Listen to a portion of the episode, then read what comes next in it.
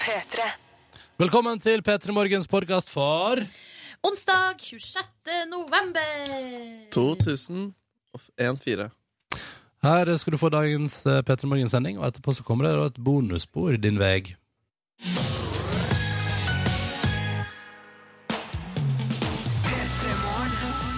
Riktig god morgen, du. Tre minutter over eh, seks.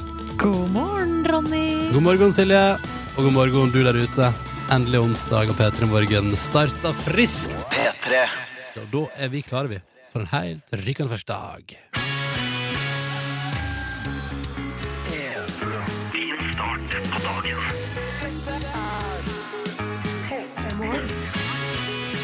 Kom det et søtt lite host fra Markus også. Velkommen til deg. Tusen takk for det. Jeg var ute i går og delte ut billetter i Drammen, og jeg tror jeg ble litt eh, småforkjølt av Ja, for du svinsa rundt der i en uh, bitte liten uh, gulltrikot. En gulltrikot, rett og slett. Jeg hadde på superundertøy, men uh, det var tydeligvis ikke nok. Jøsse navn. Eh, kan du, kjære Markus, selv om du har en begynnende forkjølelse, kunne Ja. du sendt meg kaffe i kanna? Jeg har lyst til å begynne.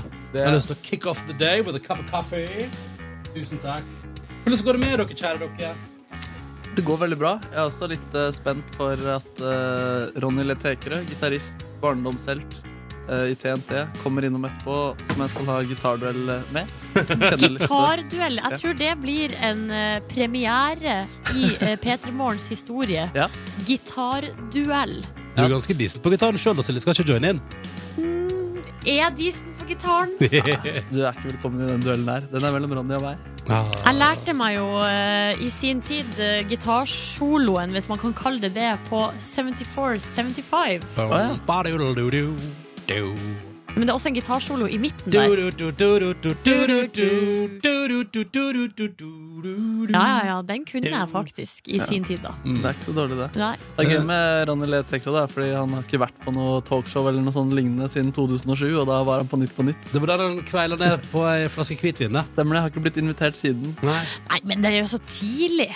Det er jo så tidlig på morgenen. Så Ja, ikke det, vi går vel klar for sånne type Ja, altså, skandaler. og om han har kvelden er på ei flaske hvitvin før han kommer hit, er ikke, det gjør ikke meg noe som helst. Så lenge han spiller gitarduell med Markus, er jeg fornøyd. Ja, helt enig. Men, men hva er det du skal gå for der, Markus? Er det improvisasjon, eller har du liksom vært hjemme og, og øva deg på noe Thunderstruck eller noen gamle klassikere? Nei, det blir nok noe improvisasjonsgreier. Vi må prate litt om hvordan vi skal gjøre det. Jeg vet ikke helt. Men jeg, eh, det skal gå fort, det skal jeg love. Dette skjer jo litt senere, senere, det gleder jeg meg veldig til. Kan jeg bare si en ting som det, til deg som er oppe tidlig også? Fordi på, Helt på tampen av sendingen i går fortalte jo vi at vi skal til Bergen på tirsdagen som kommer. Ja! Altså 2. desember, tirsdag om litt under ei uke, så skal vi til Bergen og sende hele P3 Morgen derfra. Og da tenkte jeg at det bør være gøy å si til deg som er med sex seks år, det ligger et event på Facebook. Hvis du har planer om å komme, så er det kongen du trykker på attending der, sånn at vi ser at folk kommer. Og så spesielt til deg som kunne tenke deg å faktisk dukke opp klokka seks. Det har vært så koselig. Ja, absolutt. Ja. Ikke la oss sitte alene der på, i Stjernesalen på Kvarteret i Bergen. Kom nå og ta deg en kopp kaffe og eh, tilbring noen fine timer sammen med oss. Mm. Så kan du få klem òg. Hvor mange er det til Har ikke peiling. Ah, Nei. Førstemann til mølla. Ja da. Førstemann til mølla. la Hvis du som er oppe nå, kommer innom klokka seks eh, den dagen, for eksempel, så er det drithyggelig. Og til deg som befinner deg i Tromsø og Kristiansand, bare gjør deg klar, for vi kommer dit senere i desember. Jeg bare sier det. Bare sånn at du eh, vet, Vi skal på en aldri liten julefrokostturné i år. Uh. Men eh, akkurat i dag skal vi ha helt vanlig radiosending fra vårt eh, vesle studio i hovedstaden i Oslo. Eh, og her skal vi altså da blant annet få Ronny Trekø på besøk for å gjøre gitarduell med Markus. Ah, Det er oppriktig, det er oppriktig en eh, barndomsdrøm. Altså. Altså, han, eh, han er en legende innenfor uh, gitar-onani. Gitar-onani, altså, og masse annet snacks vi har planlagt også. Så følg med. Dette er P3 Morgen. Velkommen skal du være. P3. Sju riktig god morgen til deg. Håper det står bra til. Uh, håper det står bra eh, til. SMS-innboksen er åpen. Kodeordet P3 og nummeret det er 1987. Hvis du har lyst til å joine inn der og bli en del av vår innboks, er du hjertelig velkommen til det. altså. Det er bare flott å si. Jeg stiller meg bak det, altså. Mm. Eh, og Knut han har nå sendt inn melding og har en litt spesiell dag i dag. For han skriver uff, tryna jeg sykla til jobb i natt, og nå skal det trekkes visdomstenner. Det er jo to eh, kjempefine hendelser der for Ja. Knut på ganske kort tid. Men se på det, altså, hvis du Knut overlever denne onsdagen, da er du good, da er du good ass. Ja, Det som er litt spesielt her, er jo at det i tillegg er bursdagen hans i dag. Ja, selvfølgelig. Så eh, da Så da du fikk tannlekjørtime på bursdagen din, da tenkte du hvorfor ikke? Ja, det er jo Det tenkte ikke jeg på, men det har du jo helt rett i, Ronny. Det er jo Mm. litt spesielt. Fordi visdomstanntrekking det eh, Gir ikke rom for kakespising!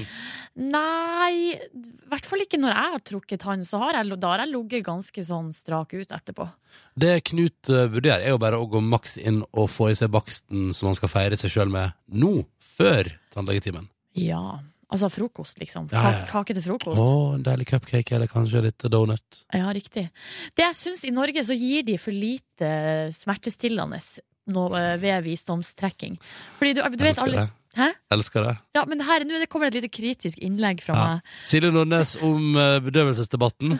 Rasa. Eh, Jeg skal i hvert fall starte debatt. eh, Fordi i, Du vet alle de videoene med de som kommer ut av Som har trukket tenner i USA. Ja. Så er de sånn rusa og snakker bare masse tull og sånn. Det er jo veldig artig. Det kan man gå og søke på på YouTube hvis man vil. Sånn der, Child after dentist, eller? ja, noe à la det, ja. Ja, det var det. Child after, selvfølgelig. Eh, Dentist er det første som treffer her, da. ja. Der Ja, ja, er det så mye gøy. Og det er fordi de får så mye eh, medisin der, har jeg hørt, hørt da.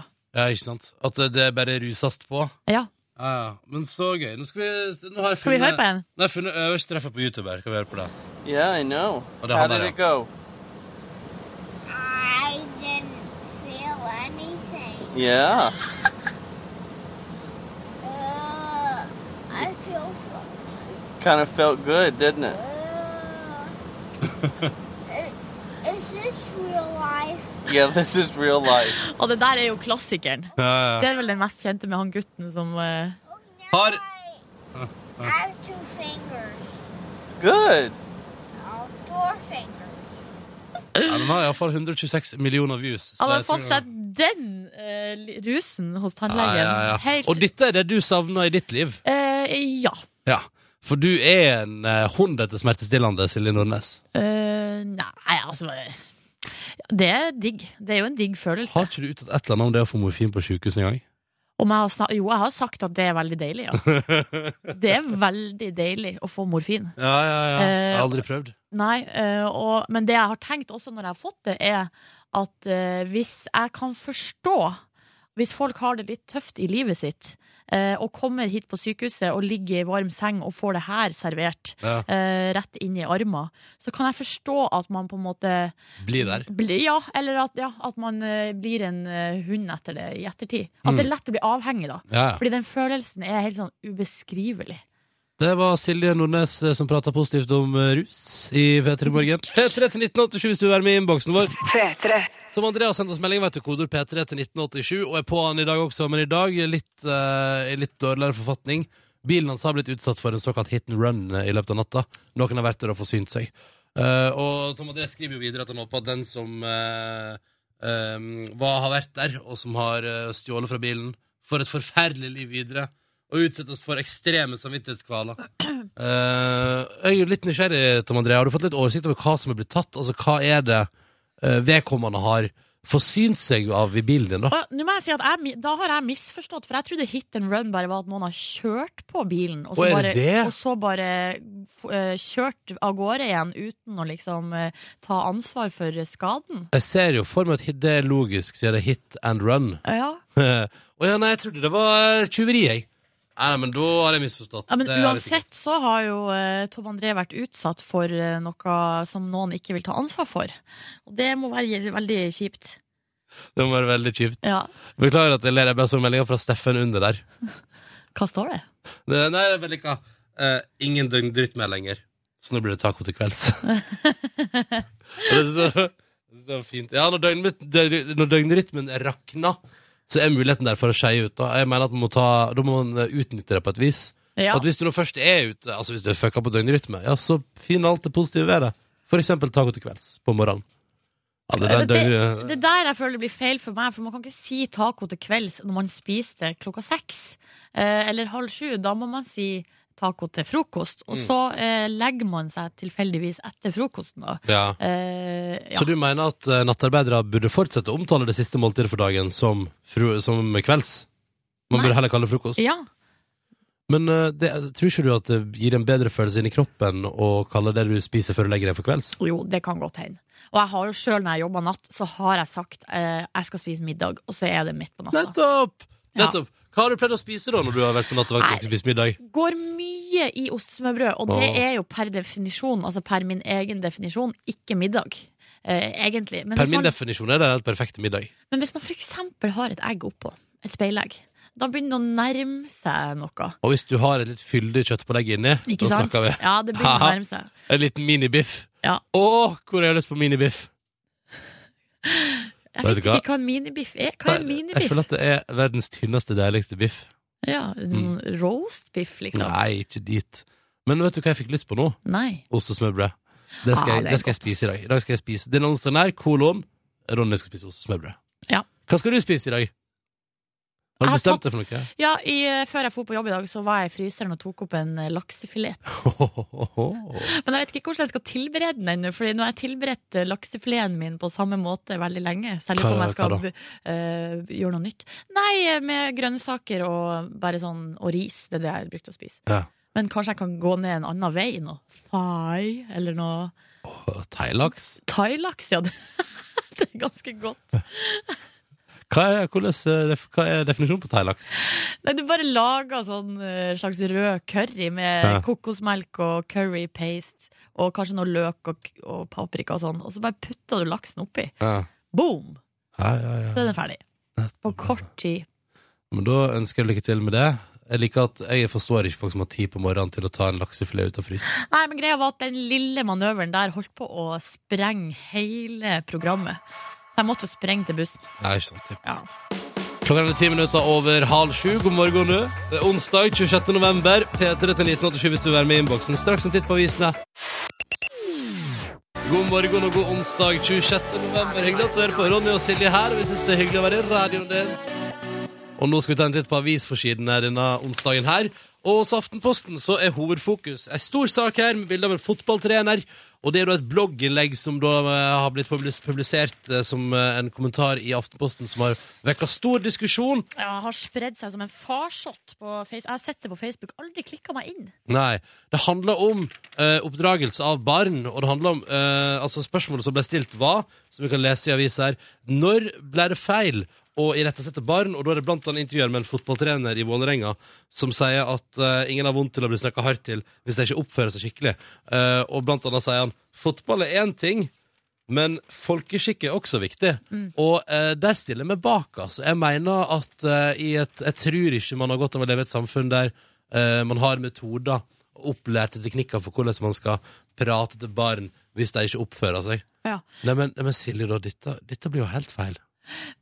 Men du, eh, jeg, tenker, jeg, er også enig med deg i prinsippet. Mm. Men det jeg lurer på er, eh, hvis vi ser for oss situasjonen, at Mm. noen andre sine unger eh, oppfører seg stygt. Og da tenker jeg sånn Nå tenker jeg ikke på mobbing og liksom de helt åpenbare situasjonene der du skal selvfølgelig gripe inn, men litt mer sånn småting. Mm.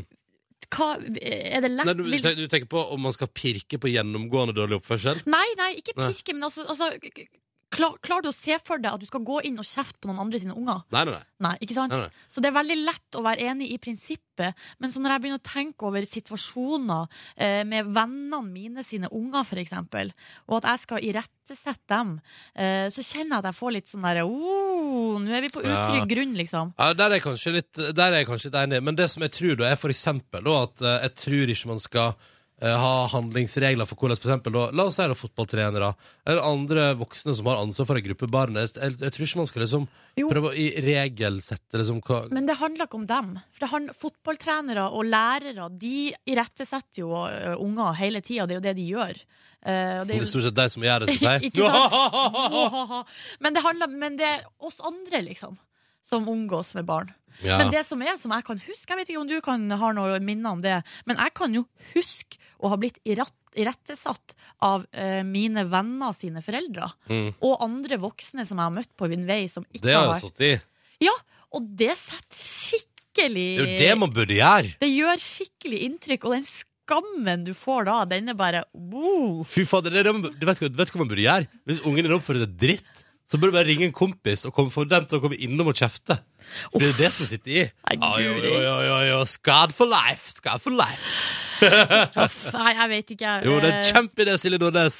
Eh, en annen kjempeidé, vil du høre om den på forsida av Dagens Næringsliv i dag? Ja. Eh, det handler om eh, at det viser Eller de har, eh, Dagens Næringsliv har sjekka litt rundt, og det viser seg at eh, stigende boligpriser Altså det at for eksempel den boligen du bor i nå, Silje La oss si at du finner ut at den er litt mer verdt enn da du kjøpte den. Hva vil du tenke, hva, hva er den umiddelbare tanken din da? Selv, selv, selv, selv Ja, er det det? Nei, egentlig ikke. Jeg tenker egentlig Fordi, Sett på den litt lenger. Sett fordi litt lenger. det er akkurat det norske folk eh, tenker. Altså, idet boligen din øker i verdi, så eh, viser det seg at nordmenn tenker Ah, fuck yeah, da skal jeg kjøpe større og ta på meg mer lån. Ah. Ja, ja. Så altså, stigende boligpriser gir lånelyst, står det her. Og det viser seg at uh, idet man liksom um, i det, Altså rett og slett at én av fire uh, tenker eh, Shit, boligen min eh, har økt i verdi. Da burde jeg kanskje kjøpe en som er enda større, og sørge for at lånet mitt er på topp igjen. Ikke sant. Mm. Og det er en interessant tanke, fordi det eh, er jo akkurat det jeg òg har tenkt. at Sånn, en dag skal jeg bare selge den leiligheten her for litt over dags, så skal jeg få på enda større lån. Ja, men det er vel sånn, er det ikke det man gjør? Jeg trodde det var det, det, det var å bli voksen. Å ja, du, bare få større og større lån. Men Ja, på et eller annet tidspunkt så må jo det lånet begynne å bli mindre. ja, det var det, da. Ja. Når skal det være? Du, på både VG og Dagbladet så er det hun her Magnhild eh, fra Farmen som er i eh, Som dekker altså hele forsida. Nå nærmer det seg vel finale. Er det Jeg har ikke fulgt med på Farmen. Jeg ser på det av og til på søndager når det går der i full maratonstil på TV 2. Ellers ikke så engasjert. Men tydeligvis er folk meget engasjert på hva som skjer der inne. Ja, det er jo eh, kjemperekorder. og Ja. ja, ja. Så hvis du har lyst til å lese om eh, at Farmen Magnhild blir sendt på barnehjem, kan du kjøpe VG. Og hvis du er interessert i den der konflikten inne på gården der, så er Dagbladet avisen for deg i dag. Da ønsker vi lykke til med det. Seks minutter over sju. Dette er NRK P3. Og det var Gabrielle med fem fine frøkner på en onsdag morgen i tampen av november. Hun spiller på P3 Gullo på lørdag. Så det må du få med deg, da. Halv ti på NRK3. Men jeg ville jo fått med meg vorspielet, jeg, da, som begynner klokka sju på kvelden på NRK P3. Eh, Der er det jeg sjøl og Niklas Melleforte i studio med eh, utegående reporter på Red Carpet Extravaganza. Silje Nordnes! Og i tillegg til det så vil jeg gått rett inn på Snapchat, hvis du har nå den uh, applikasjonen der, og adda P3 Snap. Uh, det er altså P3 sin uh, Snapchat-konto, som jeg nå har driver og administrerer. Um, og skal være altså Snapchat-reporter under P3 Gull. Du får backstage-materiale der. Begynner vel enda tidligere på dagen, jeg ikke det? Altså, du holder det gående? så vidt jeg vet, så skal det begynne allerede hjemme hos meg sjøl. bli med I Silje dusjen og så videre. Åh, Neida. Men altså, seriøst, bli med Silje Nordnes og se hennes eh, vinkel på P3 Gull-opplevelsen på lørdag hele dagen på P3 Snap. Eh, altså med det navnet Det stilige navnet på P3 Snapchat-konto. Ja. Nok om det! Det er konkurransetid i P3 Morgen. Vi skal kjøre på, vet du. Og vi har med oss Kim. God morgen. Hei, god morgen. God morgen, du. Er det slik å forstå at du har dratt på deg en aldri så liten forkjølelse? Ja, det stemmer. Ja. Jeg Eh, skulle vært på jobben. ok, men Du skulle vært der nå, eller? Jeg skulle vel jeg vært der nå, ja. Ja.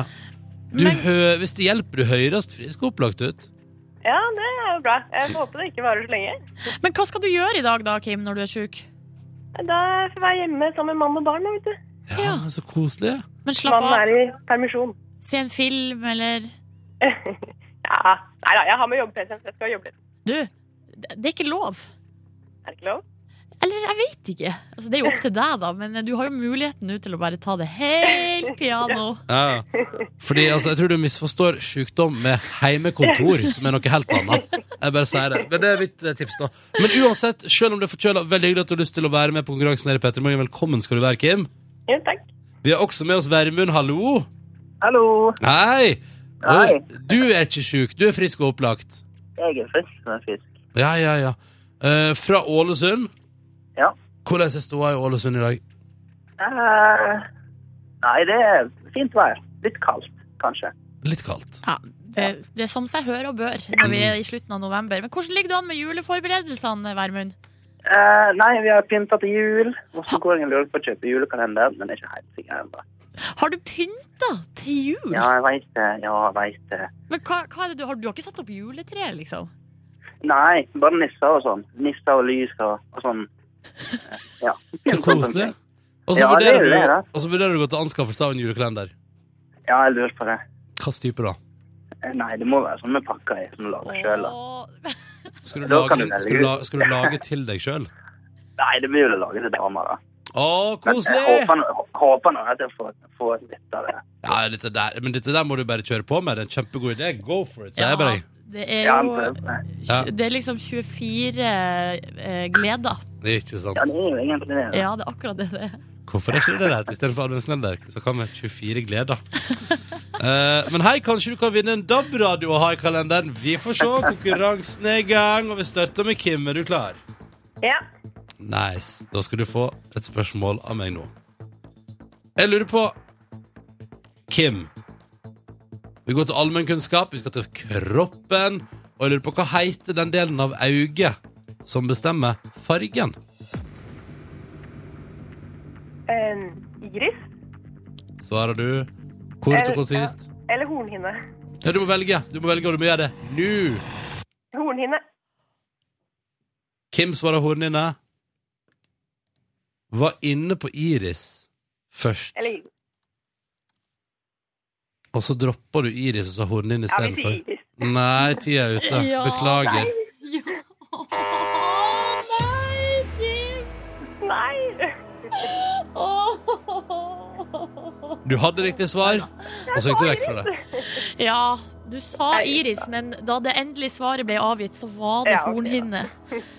Dessverre, altså. Og du som var så søt og eh, syk, men du? Eller har hjemmekontor. Her er hjemmekontor. Det er det stort sett der det går. Eh, Det betyr dessverre at konkurransen vår stopper her. Men vi vil bare si takk for uh, hyggelig prat da, til både Kim og uh, Vermund. Og så må dere ha en skikkelig fin dag, begge to.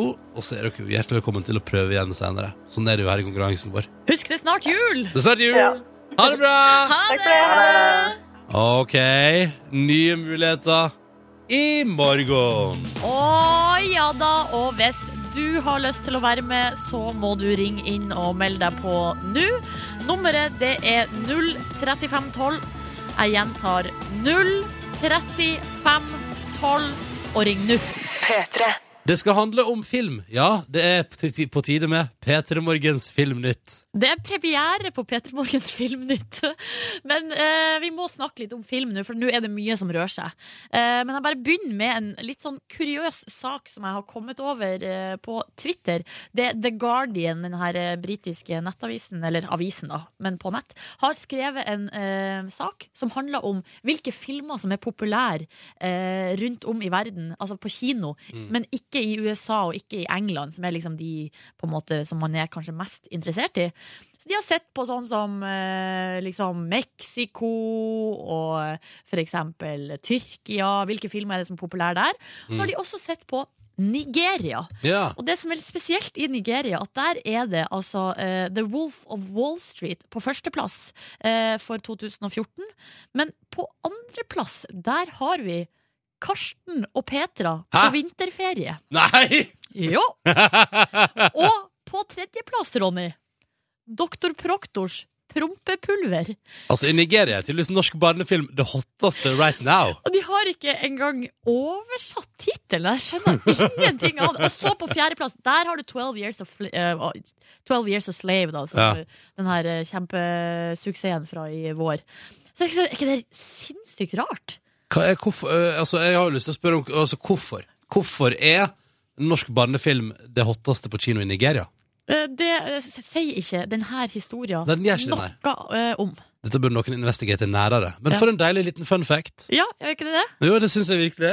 Videre. I går var det altså den totale opp, altså, oppstandelse i husholdninga mi. Eh, for det kan hende at eh, min kjæreste har et litt usunt eh, elskforhold til den filmserien her.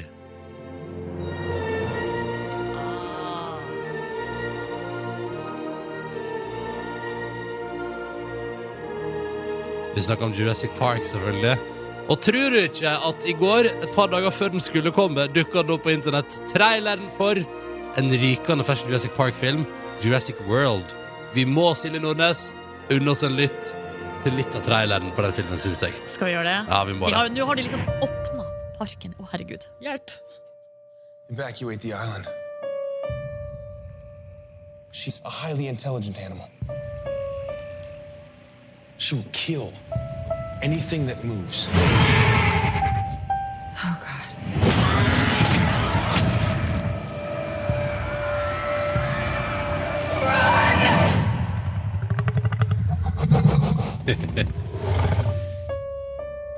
Å, herregud.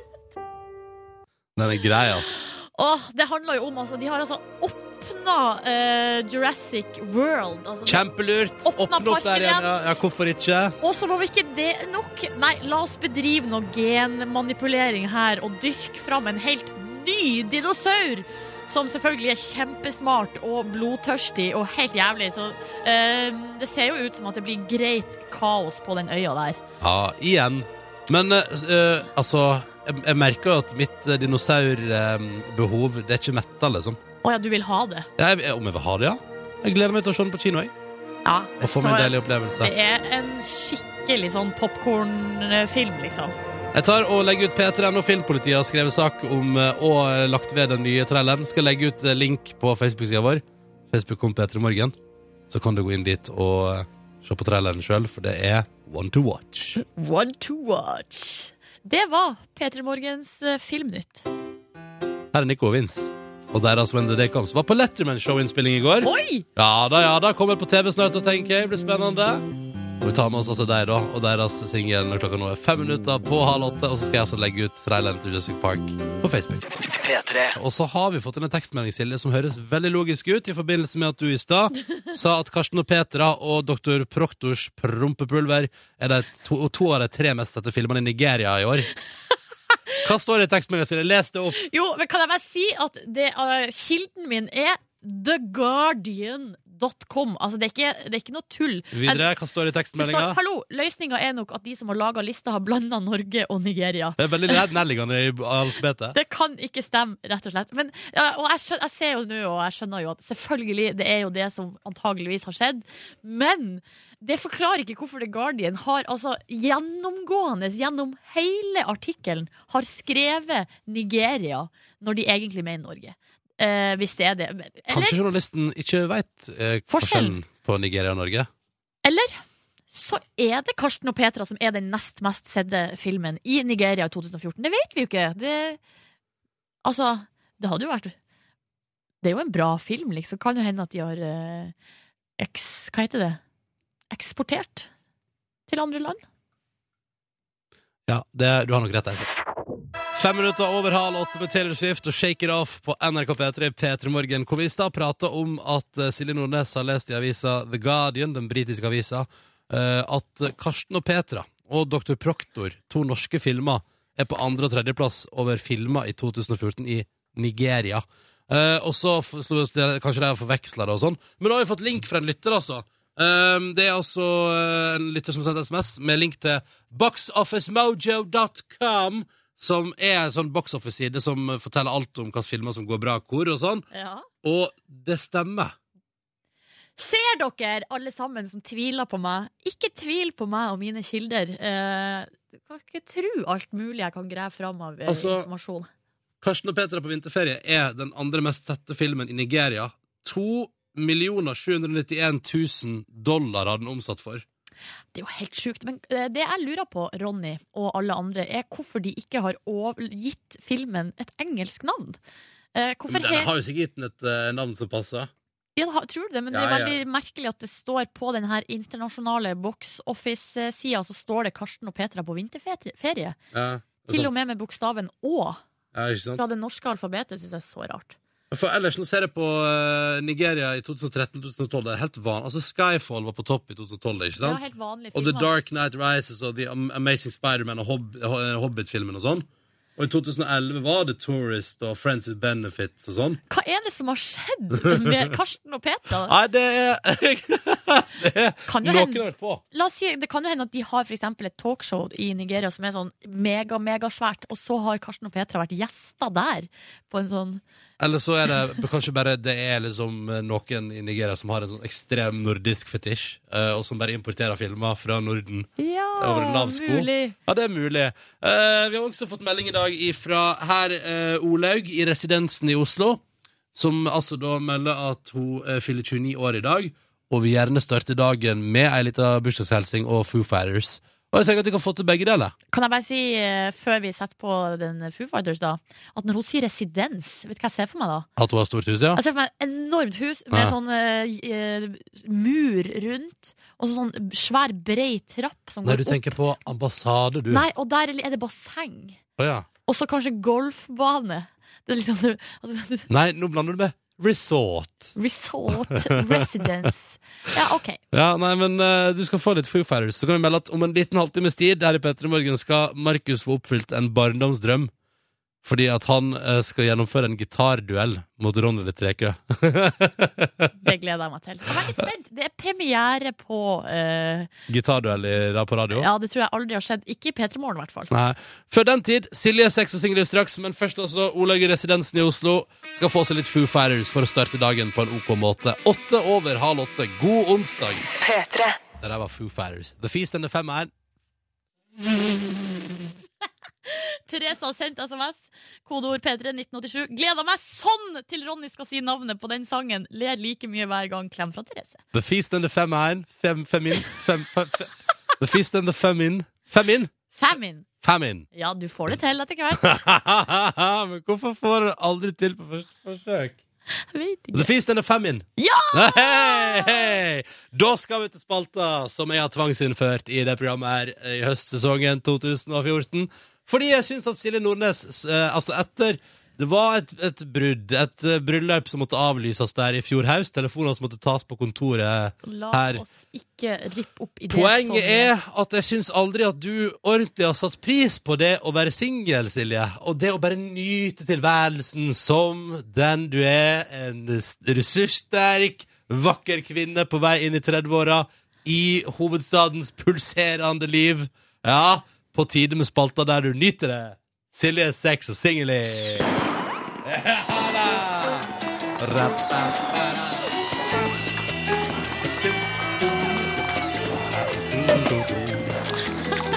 Og vi har jo endra fokus litt vekk Silje, fra at du skal prøve å få deg ny kjæreste. For det er ikke det som er poenget med Silje sex og singelspalta i P3 Morgen. Poenget er at du skal nyte livet som singel kvinne i din beste alder. Stemmer det. Ja. Stemmer det. Og eh, jeg syns jo det er like vanskelig hver uke, fordi det er vanskelig å nyte. Men i går, Ronny, så ga du meg et eh, slags oppdrag. Kan jeg bare si, Forrige uke så ble du jo tvunget til å ta kontakt med folk. Det stemmer. Og veka før der igjen ble du tvunget til å gå på, på pub og, ta et, og nyte et glass uh, hvitvin alene. Stemmer det. Ja, ja, og jeg tok utfordringa på strak arm. Ja, så var det i går, da. Ja, i går så sa du, Ronny Silje, kan ikke du bare gi meg ei liste over eh, tre positive ting med å være singel? Ja. Så da har jeg altså tenkt og tenkt, vridd hjernen min og har klart å skvise ut tre punktene her nå, da. På lista! Er du klar? Jeg er veldig glad. Ok, Siljes tre kongeting med å være singel. Vær så god. Punkt nummer én. Jeg kommer altså mye, mye lettere i kontakt med naboene mine. Ja, så der, Ja. ja. og det er jo litt resultat av forrige ukes utfordring, som var å ta kontakt med fremmede. Ja. Og nå i det siste, løpet av den siste uka har jeg altså snakka med flere av naboene mine som jeg aldri har prata med før. Nei, men så der. Har bodd eh, i leiligheter i to år uten å egentlig snakke så mye med folk. Nå skal det sies at den ene kontaktflata var en naboklage natt til søndag, der eh, min spanske nabo kom ned og sa du, det er helt OK med musikk, men den ropinga klokka tre på natta, den vil jeg ha meg frabedt. og da sa jeg beklager, jeg legger meg helt flat. Da sa du Og beklager, jeg legger meg helt flat, og sendte kilden til ropinga i hjem i en taxibil. Det stemmer. Og eh, nå føler jeg jo at vi har lagd grobunn for en relasjon, jeg og naboen. Kjempebra! Som vi kan bygge videre på. Å, dette er nydelig, Silje. Sant? Det er et bra punkt med det å være singel. Ikke Ok, sant? Før videre. Punkt nummer to. Jeg har all mulighet i verden til å spise impulsiv elggryte hos venner. Ja, det stemmer. For det som har skjedd eh, i det siste, er jo at venner tar mye mer kontakt med meg i sånn det daglige. Altså sender melding sånn eh, 'Skal vi ta en kaffe?' Eller 'Har du muligheten til å Har du lyst til å komme på elggryte i kveld?' Ja. Jeg driver og kokkelerer noen greier her. Og det er jo fordi de vet at jeg sannsynligvis Ikke Ik ikke er opptatt med å ligge i sofaen eh, og spune oh, ja. med noen og se Ja. på Mad Men, eller hva man nå enn ser på. Så deilig, da. Skal sies at jeg dro aldri og spiste elggryte, for jeg var så sliten. Ja, Og så tåler du elgkjøtt, Silje? Ja, ja, ja. ja, Og du gjør det? Ja, ja. Men poenget er at jeg kunne. Jeg spiste elggryte på fredag. Det var skikkelig digg. Ja, det er godt, ja. Ja. Faen, Nå angrer jeg på at jeg ikke for og Ja, det spiste skulle du elggryte. reist og spist, eh, Silje. OK, mer på lista di før. Og dette er veldig bra foreløpig, sant? Ikke sant? Masse positivt med det å være singel. Før mer. Punkt nummer tre. Jeg kan høre på denne sangen helt uten ironi.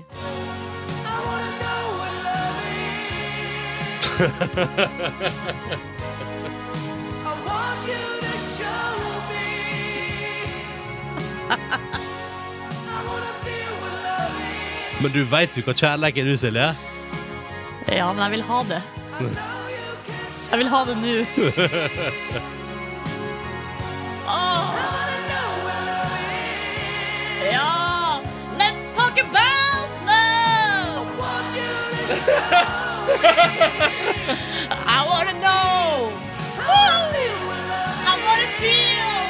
Og jeg skjønner hvorfor den spanske naboen din klager på roping. Der står du, der står du i stua di, Silje, klokka tre natt til hva slags som- som helst dag, og roper ut Yes, let's talk about it! Åh, herregud, for en deilig sang. Så av og til så må man bare ta seg en runde. Silje Nordnes, takk for dine tre listet, opplista til ting som Du- er bra med det å være singel. Så dette fikk du til. Jeg fikk det til. Gratulerer så mye. Bare hyggelig.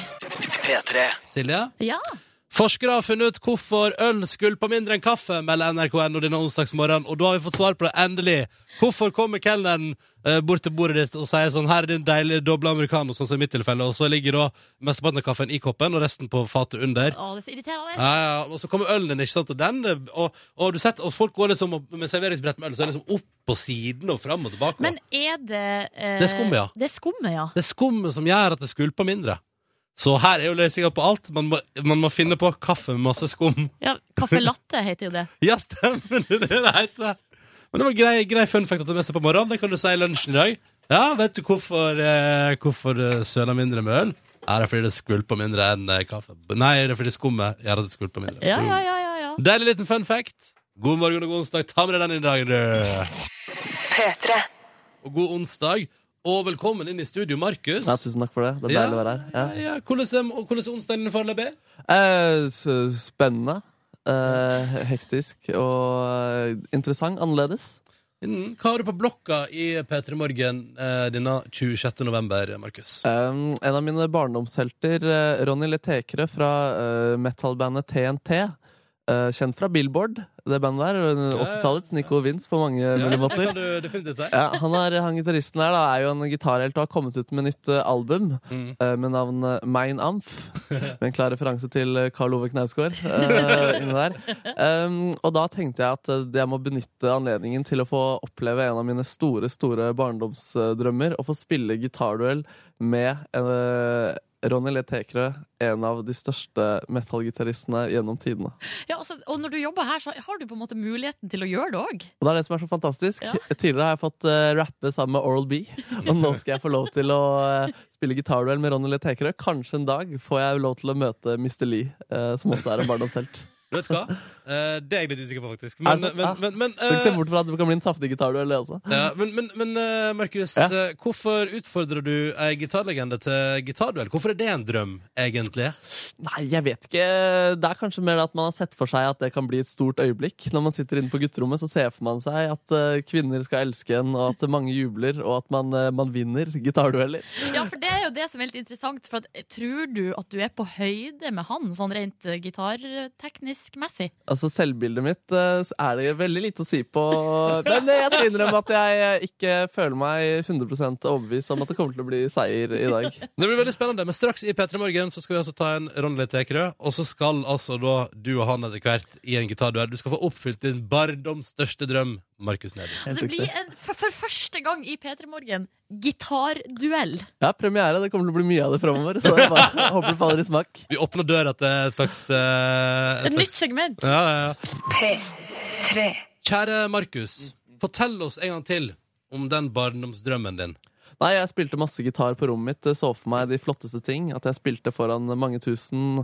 Eh, Folk jublet i meg. Jeg sto på bordet noen sekunder der også. Veldig flaut når foreldrene da kom inn og skulle se på deg. Og mange av de tingene jeg da spilte på, var eh, TNT. Det norske metal-bandet eh, med Ronny Letekere, gitaristen, i spissen. Så det har naturligvis har vært et forbilde for meg og mange andre metal-gitarister.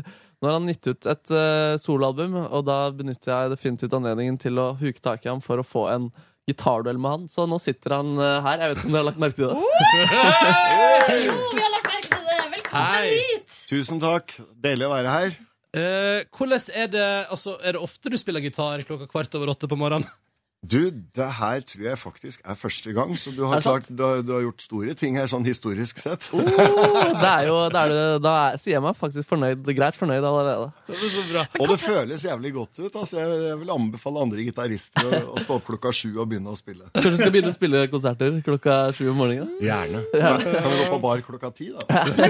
Hva tenkte du da unge Markus tok kontakt med deg og spurte eh, Vil du stille opp på en gitarduell mot meg? Ja, altså, jeg hadde jo hørt mye om han som hobbygitarist før. Han er jo en av Norges mest kjente hobbygitarister. Og ryktet har jo gått i mange år om det her. Så jeg håper jo det her blir fast innslag, at det er flere gitarister som får bryne seg, både av internasjonalt format og Ja, det hadde vært en drøm, det også. Det er farlig. Det er i ferd med å starte noe nytt der. Jeg vet ikke. Vi får se. Uh, men uh, Ronny Tekerø, um, er du, er du, du hva, Står det står nok på spill for deg her? Hva om du taper duellen? Hvordan avgjør man en gitarduell, forresten? Nei, det er det vi Det er en uh, Metal-guden kommer inn i rommet, og så er det ganske åpenbart hvem som har.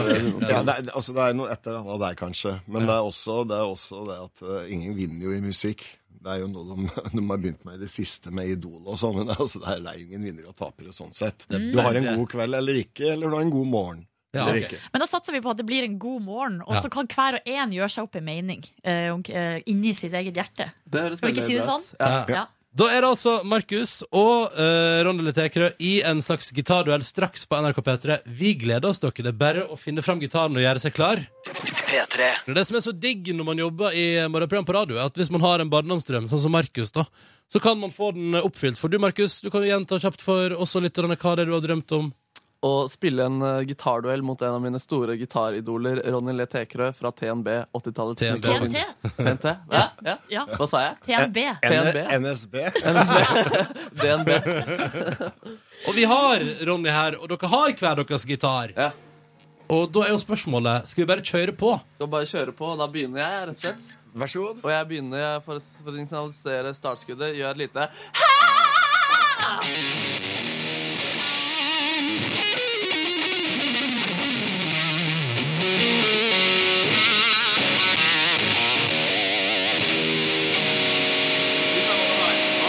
faen, tøft, det.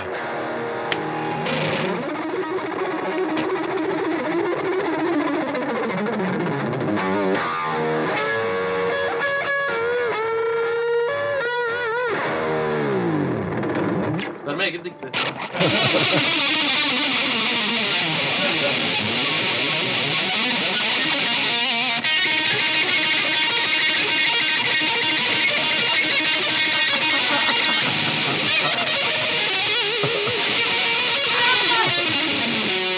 Hvorfor driver du på med radio, da?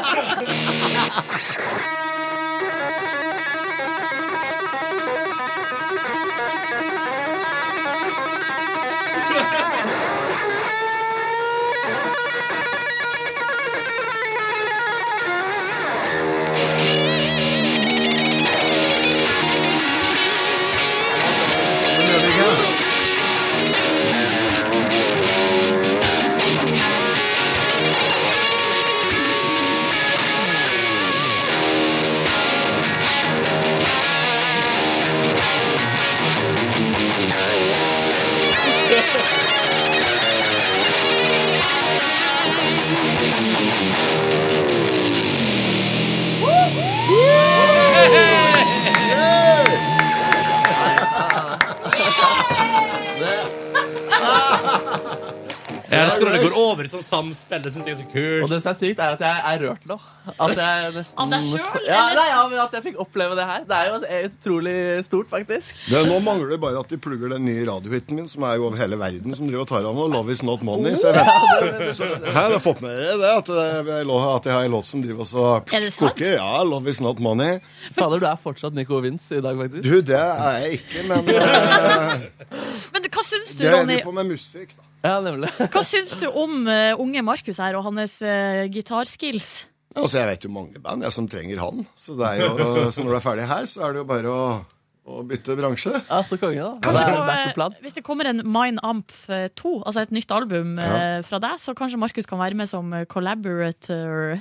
Det, det skal du ikke se bort ifra, så jeg er meget imponert. Så Minamp 2 kommer faktisk 1. april. Å ja! Det er en del, av, det er en del av en trilogi. Så fantastisk. Og, nå, nå, nå snakker vi Knausgård-innhold. Det det er, her er hakket mer selvutleverende. selvutleverende Markus, der. Kan ikke, kan ikke vi få en slags eh, deilig sånn kort avrunding fra dere to sammen her nå? da? En slags liten sånn et punktum? Ja, vi bare fortsetter på samme riffel. Det kan- holder vi, da. det kan ja, gjøre. ja.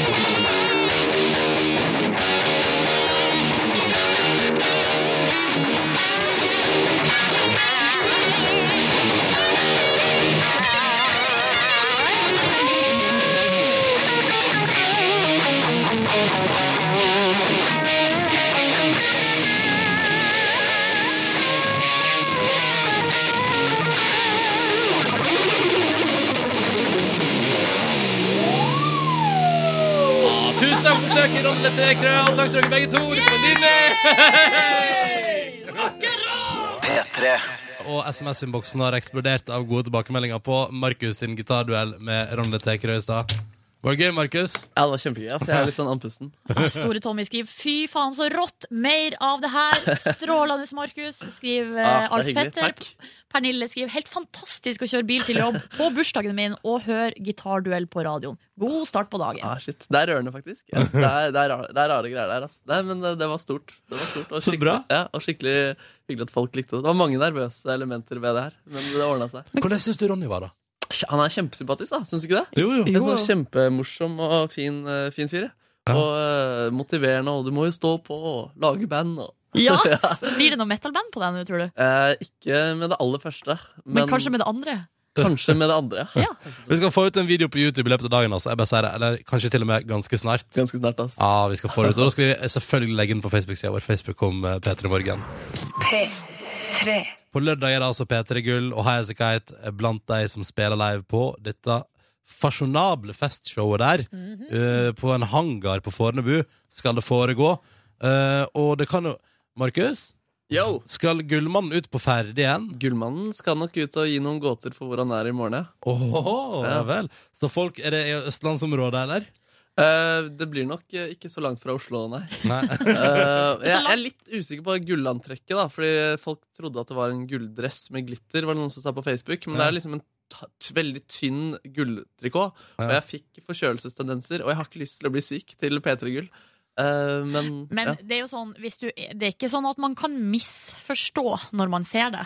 Eh, fordi det du hadde på deg i går, var eh, helt definitivt et gulldrakt. det var definitivt en gulldrakt. Men kanskje Ja. du kan ta et gullskjerf i morgen, da? Et eller annet, en, en gullhatt? Ja.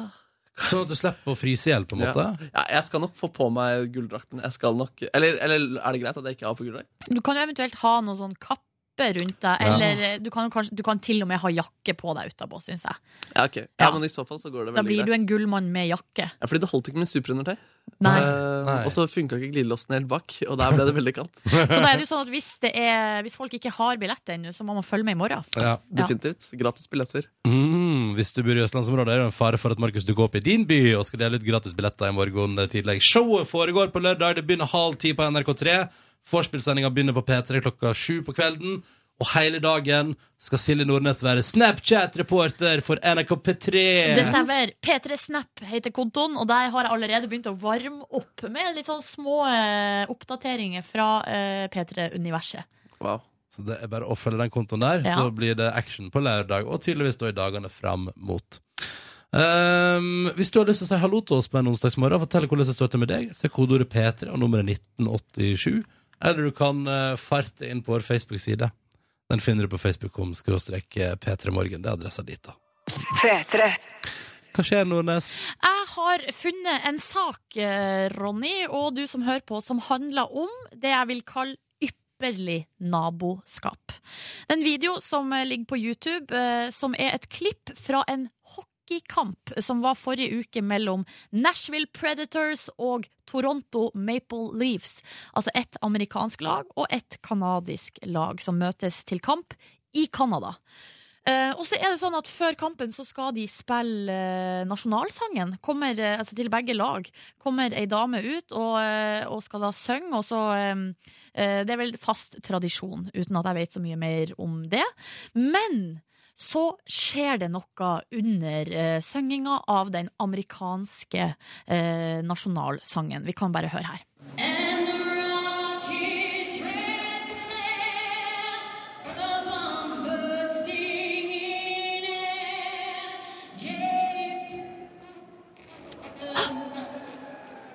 Å nei! Eh, anlegget slutta å fungere. Ja, så voldsomt òg. Ja, du hørte det, at det bare boom, det går helt svart. Mm. Um, og det som er uh, litt interessant, og faktisk beint fram rørende, er jo hva som skjer på stadion som er tjåka full av canadiere.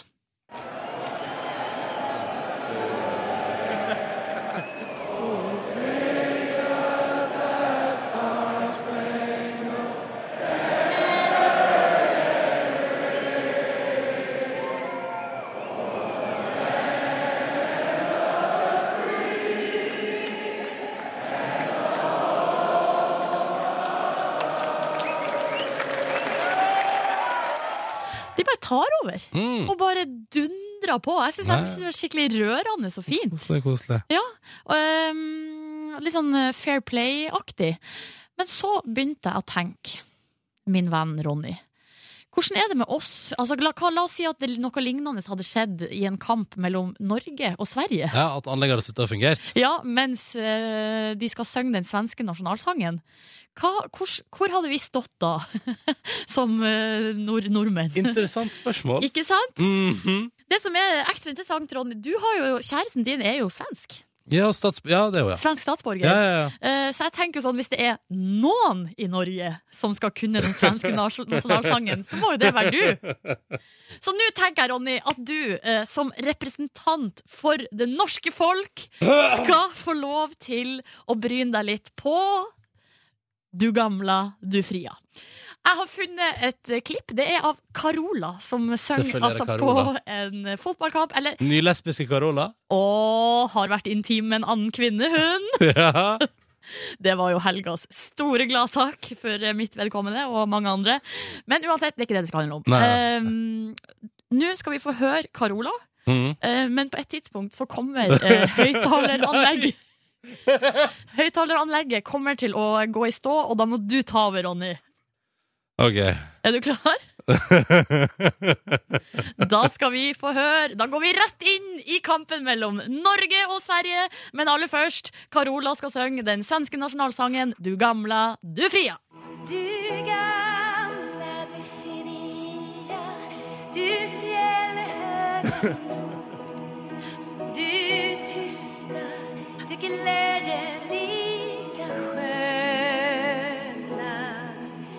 Du gamla, du fria.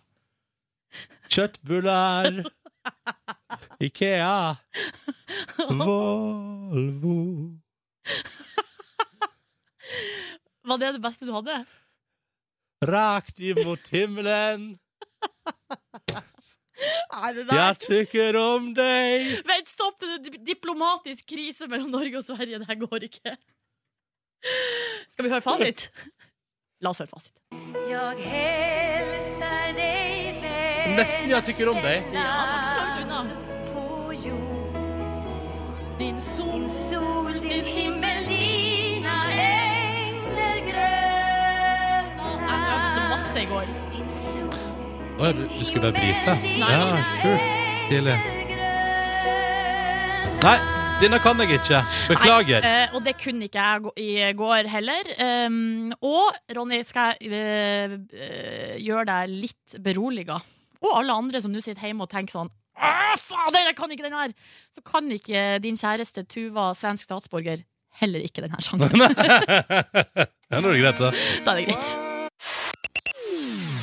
Lonely the Brave og Trick of the Light. Nydelig, nydelig låt på NRK P3. Vær så god, servert til deg. Før den så var det Big Bang og Wild Bird. Så der var det to eh, fine på rad, ikke sant? Pakka i hop og servert ut gjennom radioapparatet litt en onsdag morgen på 17. november. Og alt vi håper, da, er jo at det stimulerte til en slags glede der ute. Det har vært deilig. Og at eh, kanskje det bidrar til at eh, det her eh, blir en fin dag. Ja. Det håper jeg det blir. Ja. Jeg er klar for at det skal bli en ganske decent onsdag. Samme her. Vet du hva jeg skal gjøre i dag? Nei, Jeg tror at jeg skal gå og du, vet, du, ta kan jeg be... du skal trene sikkert og spise et eller annet sunt. Ja, du skal spise laks. Nei, nei, nei. Ja, jeg skal spise laks, men jeg skal ikke trene. Jeg skal ta sol. Solarium. Jeg, bruk, jeg tar sol to ganger i året, og det er da to ganger før jul. En Ja. gang i november, en gang i desember. Bare for å ikke se ut som en, et levende lik eh, når vi nærmer oss jul. Eh, syn- så, ja, nei, men så, det er sikkert gøy for deg. Ja, men det er ikke bra, vet du. Nei, de sier at du kan få kreft av det. De sier så. Mm. Og at du eh, ved for mye soling så får du sånn rar brun farge. Ikke sånn som du nødvendigvis er keen på. Ja, ikke sant? Men jeg tror jeg skal ikke ta sånn en halvtime om dagen hele desember. Det lover jeg. Men kan ikke, jo, kan ikke gjøre det? da? Gøyalt eksperiment å se hvor brun jeg kan bli til jul. har fått på, har fått på juletenn. Å, deilig å få på litt juletenn. Nei. Mm. Nei, nei, nei. nei. Å, vær ikke for Du skal ikke bli med, da? Mm, å ta sol? Ja? Nei. Nei. Vet du hva? Jeg er stolt av min bleike kropp. Jeg. Jeg Stolt av min bleike, å- overvektige kropp. Den skal jeg ha drasse med meg inn i desember og fram mot julaften og godt ut på nyåret. Og har ingen problemer med det. All Fuck right. yeah! Okay. Hei, Jørn! Hei! Ja, ja, ja. Jørn, vil du bli med å ta sol i dag? Eh, kanskje. Jeg gjorde det en gang. Um, jeg tok en gang sol da jeg bodde i Bodø, men jeg, jeg var så veldig redd for at det skulle låse seg, det der solariumet. Oh, så, etter fem minutter så bare gikk jeg. Det er jo fordi at eh, I Know What You Did Last Summer. I en av de filmene så er det ei som blir stripsa fast inni et sånt solarium. Så jeg er alltid livredd for at det skal skje. Men uh, det har ikke skjedd hittil. Nei, det Du skjedde sikkert på- ikke med meg heller, men jeg, Du får tenke på det når du tar sol. mer. Tenk på det i dag, du, Silje. Jeg skal tenke på det i dag. Jørn, eh, har du noen planer for de neste to timene på P3, eller? Å, vet du hva om jeg har? I dag så tror jeg det blir riktig så gøy. Fordi jeg satt, eh, jeg satt i går uh, satt jeg nunna på en sang, så kom jeg på sånn, ah, Hva er det jeg husker den fra? Jo, fra en reklame. Så tenkte jeg å, jeg skal ta låter som folk forbinder med TV-reklamer i dag. Å, ikke dumt! Nei, det er ikke dumt i det hele tatt. Da ønsker vi deg lykke til med det, Jørn, og så håper vi du får en god sending. Takk, det samme. Og så er vi i P3 Morgen vi er tilbake igjen på radioen i morgen tidlig, ikke sant? Fra seks til ni. Og så kan vi minne om en gang til at eh, vi eh, befinner oss i Bergen neste tirsdag. Skal sende hele sendinga vår derfra. Og hvis du har lyst til å være med, så er du hjertelig velkommen. Vi befinner oss på kvarteret i Stjernesalen der. Begynner klokka seks, liksom. Ja, bli med! Kom innom før jobb eller skole, det hadde vært så hyggelig! Og det ligger et event på Facebook om P3 Morgen hvis du vil trykke 'attend' der. Da bestemmer du helt sjøl. Ok, Et par sekunder før klokka ni. P3 Morgen takker for seg, og Sverre Lilleng han er klar med nyheter på NRK P3. P3. Podkast, bonusspor. That's the way. Aha, aha. I like it, aha, aha. That's the way, aha, aha. I like it. Er det fra en reklame? Den burde vi sendt inn til Jørn i dag. Ja, jeg tror det er derfor vi har den. Er det det, eller er det bare at den er så utrolig fengende og gjenkjennbar at uh, man tror man har hørt den mange ganger? Men hvordan, eh, hva var det reklame for? Er det Dressmann? Nei. Er det, nei? Reklame. Eller er det Lysholm? Eller Er det noe, Er det noe sånn, er det noe sånn uh, uh, båt? båt? Hvor ofte er det reklame for båt? Vet, nei, sånn, sånn cruiseskip. Ja, Color Line Er det det? eller noe Stena Line. Nei, de har den derre Sail away, sail away, ja. Nei. sail Og så har de away. den derre åh, den som minner om den derre Hold the line, så sier de Stena Line. Nei, de sier ikke hold the line. Er Hold the ikke det? line. Det er en Tenk, annen sånn. tenk på Stayin' Alive. Ja! Staying alive, ja. Det kunne Det er vært sant, det. det er sant. Den, den. Ja, det. Stena Line. Kaviarreklame på norsk. Det er, i hvert fall, nei, det er bare noen som har kommentert det. That's why I, I like it. Mm. Eller er det det? Nei, jeg tror kanskje det er den. ja. Mm. Ja, ja. Dere, vi har fått en mail fra ei som heter Lise, som skriver eh, Har noen av dere hørt på høstens store podkast-hangup, Serial? Um, anbefales virkelig. Og da, eh, det har jeg glemt å snakke om her på bonussporet, men ja, den har, har jeg fått med meg. Litt sei, altså, Folk har jo vært opptatt av det her i ukevis. For det har kommet liksom én episode i uka i ni uker. Eh, og jeg har fått den anbefalt av eh, Rolf Magne Andersen, som jobber i Ramona Siggen. Av eh, Marit Larsen, og nå også da av Lise. Eh, Bonusbordlytter. Er det noen av dere andre som har hørt det? Nei, Nei, men min, min kjæreste prata positivt om den. Ja, fordi eh, jeg avslutta eh, I løpet av ei og ei halv uke så har jeg dundra gjennom de ni eh, første episodene. Hørte den siste i går, og det er altså så ekstremt spennende. Eh, det er rett og slett ei, en journalist som graver opp en 15 år gammel drapssak, der en ung gutt er dømt for drapet på sin ekskjæreste. Um, og så eh, blir altså hun her journalisten har blitt kontakta av eh, venner av han som sitter i fengsel. Han har sittet i fengsel i 15 år. Um, og de sier til henne han har ikke gjort det. Vi tror ikke han har gjort det. Det er helt umulig. Og så begynner hun å grave i denne saken. Og så er det da hver episode så følger hun nye spor, ulike spor. Har eh, altså snakka jo med da eh, masse av de finnes Oppsøk mange av de folkene som var involvert i den saken. Um, Snakka med politi, med eksperter, eh, med advok advokater. Ja, og så videre og så videre. Og det er så sinnssykt spennende. Og det som er på en måte, føler jeg, hovedspenningsmomentet her, er jo fordi eh, hun sier jo at hun gjennom hele denne prosessen veksler mellom han er uskyldig, nei, han må ha gjort det. Han er uskyldig, han må ha gjort det. Og sånn, sånn er jeg sett jeg òg, i hvert fall. Og bare klarer ikke å bestemme meg for hva jeg tenker. Fordi det er liksom ja, altså det er jo Han har jo blitt dømt. En jury har jo dømt han til eh, livstid i fengsel, tror jeg det. Eh, men samtidig så er det masse sånne rare ting med saken som på en måte hun finner underveis. Spennende. Ja, det, og så er det historie fra virkeligheten. Og det som er at jeg er jo, Dere vet jo at jeg er en spo...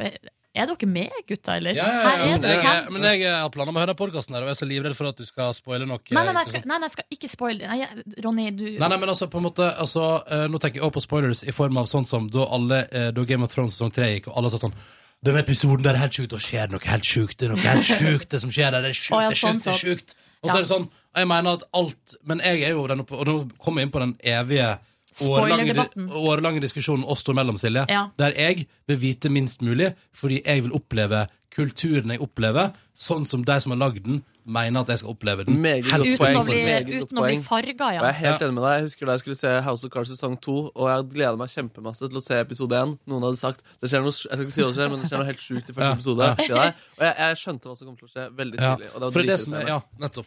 Ok, men da skal jeg ikke si så Kan du ikke du bare si at det er en varm anbefaling, og så Ja. har du nå gitt den en slags introduksjon, og så kommer hun dama antageligvis i den podkasten til å informere godt om hva som kommer til å skje. Absolutt, Men absolutt. at, men at det er en hype, og at veldig mange prater om det, og at den har satt rekorder i nedlasting i iTunes, ja, det vet vi. Og det er sånn som er fint. Det kan man si. Men det jeg bare skulle si da, eh, for min egen del, er jo at dere vet hvor utrolig nysgjerrig jeg er, og hvor utrolig eh, eh, lett jeg tar på eh, fenomenet spoilers.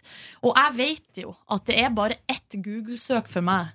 Eh, Eller vet Og du har ikke noe problem med det heller, du. har ikke så mye problemer med det å begynne å opp, søke opp hva som Men nå må jeg faktisk ta meg i det, for at jeg lurer på om det faktisk skjer i real time. Altså, hva mener du? At det, går, at det, det, det skjer her og nå. Ja. Jeg tror, jeg tror det, jo, at den produseres nå. Den er ikke, den er ikke produsert for Fordi greia er at akkurat denne uka, i går, så sa hun sånn And this week there's no podcast because uh, of Hall Nei, ikke Halloween. Because of Thanksgiving. Ja. Jeg bare fuck you og den amerikanske kulturen deres! Gi meg en ny episode. Men stoffet er vel Hun vet vel hva hun skal Ja, det hun, det det, hun har vel gått gjennom saken godt og grundig og vet hva hun skal porsjonere ut. Ja. Siden det kommer sånn overskrift i avisene Ja, for det er det som er at Det er det jeg er redd for. Det kommer til å skje, ja. Og det, og det, det, kommer til å ødelegge den her eh, Ja. Mm. Nå er videoen på Face. Det er allerede tusen views så Er det tusenvis?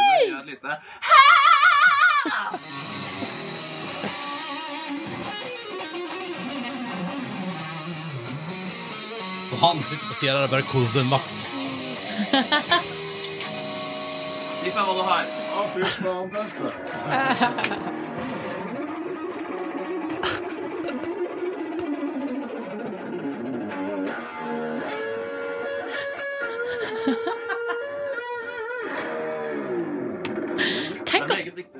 Dere er så søte. Oh, veldig søte, Marge. Tenk at det er filma med, med, en uh, ja, mobiltelefon! Utrolig bra bilde. Mm. Vet du hva? Det er iPhone, ja. Det er bare å slutte med, med kamera. ja, ja. Jeg mener, Den dagen vi finner en sånn eh, greie som du bare kan plugge i iPhone, og så får du radiolyden rett inn der, da trenger ikke vi noe utstyr, da. Nei. Fordi det er jo det, det eneste jeg det der, er liksom den deilige radiolyden. Ja, det er fem år til, det. Men det jeg merker For det der det er jo helt genialt. eh, men med all teknologi så er det sårbart. Og jeg føler det som er problemet med mobiler, er at av og til er at eh, vi tjåker de så full at de eh, prosessorene er ikke store nok til å takle det. Så nå, for eksempel, når jeg logger meg inn på den P3 Snap-kontoen um, Så jeg vet ikke hva som skjer, men min teori er at det kommer så mye følgere der at det blir, den klarer ikke å klarer ikke å takle det. Så at når jeg, sånn som nå i hele morges så har jeg prøvd å filme en liten snap av Markus som spiller gitar. Eh, og hver gang jeg gjør det, så bare skjøtter den ned. Ja. Eh, Den eh, bildet fryser, og så bare bryter hele appen sammen. Og når jeg da åpner appen igjen, ikke sant, så er videoen borte. Sykt irriterende. Og det der må jeg finne ut av finne før ut av. lørdag. Når jeg liksom skal være Snap-reporter. Det må du finne ut av. Ja. Men uh, kan du gjøre én ting nå, Silje? Har du mobilen din der? Ja. Gå inn på innstillinger på mobilen din. Ok. Du vet hvor det er? Du vet hvor det er? Du finner den? Ja. ja. Og så går du på det som heter generelt. Le General. Og så går du på uh, det som heter bruk. Bruk. Nei.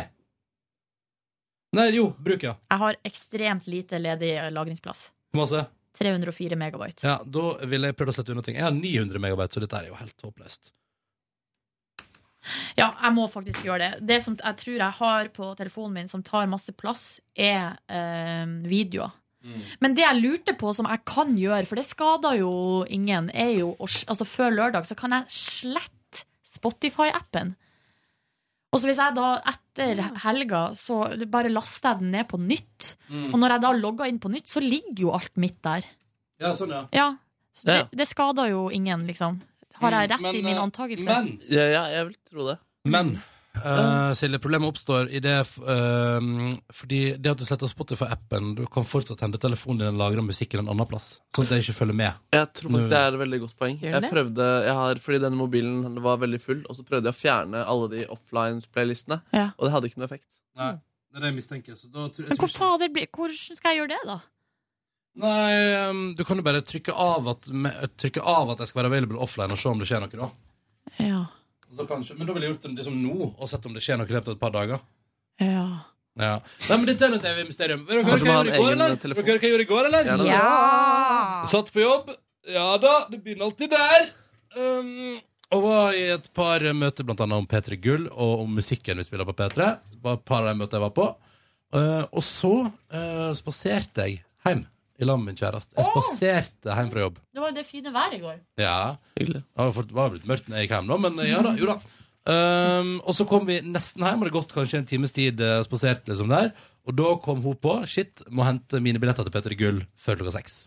Å nei! Og vi bare Å, fuck our lives her nå. Må vi gå helt tilbake igjen til NRK. Men så at du ringte jeg. Markus Neby. Markus Neby. Alltid tilgjengelig. Alltid på jobb. Og han sa selvfølgelig kan jeg gå i resepsjonen og se om jeg får henta billettene til Tuva. Og det fikk han. Mm. Så tusen tusen takk for hjelpa, Markus. Du er en klubb og en engel, og du sparte oss for en time ekstra ute på veien i går. Ja, ikke noe problem. Så uh, Tuva har lovd å kjøpe en øl til deg på P3 Gull. Skal, Det skal jeg gjøre òg. Yes. Ja. Vi skal drikke øl, da. Oh, ja, ja. Jeg må bare bli ferdig med den uh, sendinga først, så skal det drikkes Ja, du, rikelig. men eh, kan, jeg kan drikke under sending, eller kan Du, man du, det? du har ikke noe jobb, har du det? Nei, nei, nei, det- nei, det- ikke det. ikke Men de selger øl der? Ja, ja, ja. Shit, ja, det er derfor at Shit, oi, oi, oi, det må, jeg må være litt forsiktig. Jeg skal ikke vorse før Peter Gull. Det skal jeg ikke gjøre. Skal du ikke det? Du, I fjor så ble jeg og Ida Fladen altså så utrolig berusa under det showet der. Fordi vi tenkte nu, vi, vi satt på sånn sitteplasser oppå på et galleri. Ja. Og så var det sånn der, en slags tanke som man får av og til om at nå må jeg nå skal jeg sitte her lenge, så nå må jeg hamstre så mye jeg bare klarer å sant, bære med meg. Det ble litt for mye. Men kan man sitte gjennom hele? Jeg har så inntrykk av at det er Nei, sånn i år tror jeg det er ståorientert, for det er jo ute i den hangaren der, og publikum, altså, publikum skal være litt sånn her og der. Mm. Det blir veldig spennende å se hvordan dette blir, altså. Men jeg tror det blir en helt enorm rigg. Cecilie! Kom inn! Hei! Elsker du Markus? Jeg elsker deg òg. El El- men er du TNT-fan, eller har du vært det? Men jeg er fan av han. Ja, fordi han er lættis. For han var med på ikke Firestjerners middag, men en annen sånn hvor da hadde han lagd Mørkets fyrstekake. Han var morsom. Takk, takk. Han var morsom den eh, Min Kamp-joken han hadde. At eh, det her blir ikke Knausgård Min Kamp. Det blir enda mer utleverende. Men du, vil du sette deg ned litt, Cecilie? Har ikke tid, har ikke tid. Skal du, hva du skal gjøre? Jobb? Skal på et møte hun òg, da, som vi skal. Å, fader. Før sending. Jeg rekker ikke det møtet. Nei. Men du, uh, lykke til med Ramona og Siggen-sendinga i dag. Takk, takk, takk. Eh, vi savner deg her i P3 Morgen-universet. Ja, gjør du det? Ja. Hvis- ja. Ja, gjør du det? Ja, selvfølgelig. gjør jeg det. Nei, det kan jo hende du ikke gjør det. Du har, Gjør det. du har glemt hvordan man snakker inn i mikrofonen. Ja, det har du. Men det er jo ikke Hei. Mm, gamle kunstner. Gamle kunstner. Ja. Eh, jeg ser at du Heter det gamle kunster? Ja det! Ja. Ja, det må du gjøre. Men det var, det var noen som sa gamle kunstner. Det var meg. Det var deg. Det var feil, ja. Du, din gamle kunstner! Eh, men etter at vi da hadde kommet hjem endelig, så hadde vi litt sånn beslutningsvegring på middagsfronten. Men det endte med at eh, vi så på Dagsnytt 18 på fjernsynet, mens jeg sovna. og min kjæreste lagde wok. Oh, digg. Og det var så godt. Og så så vi på Luksusfellen. Og det er så trist å se på Luksusfellen. Eh, fordi folk er så, folk er så fucka der, da. En 20, I går var det en 20-åring i Stavanger som aldri har betalt en regning i hele sitt liv. Og så fant jeg ut at hver måned så uh, betalte uh, kjæresten hans ca. 6500 på hans vegne for ting de skulle gjøre. Det som er chill å tenke på, er at det ordner seg. Da. Man kommer seg gjennom livet uansett. Altså, Han lever, han fyren der. Og det er sånn betryggende å tenke på, Synes jeg. Jo, jo, men han må jo ta seg sammen og ha det skikkelig dritt i året som kommer. Hvis han klarer det, da. Men ja, du, ja det er et eller annet. Men, og nå har han liksom vært der at nå tar kreditorfirmaet liksom en del av lønna hans rett fra kontoen når den kommer. Den er lei. Ja, og det er, sånn, det er jo ikke fett å leve sånn. Nei, og det er jo det som er at du Du blir jo Det er noe med den, det å være et menneske som tar vare på seg sjøl. Mm.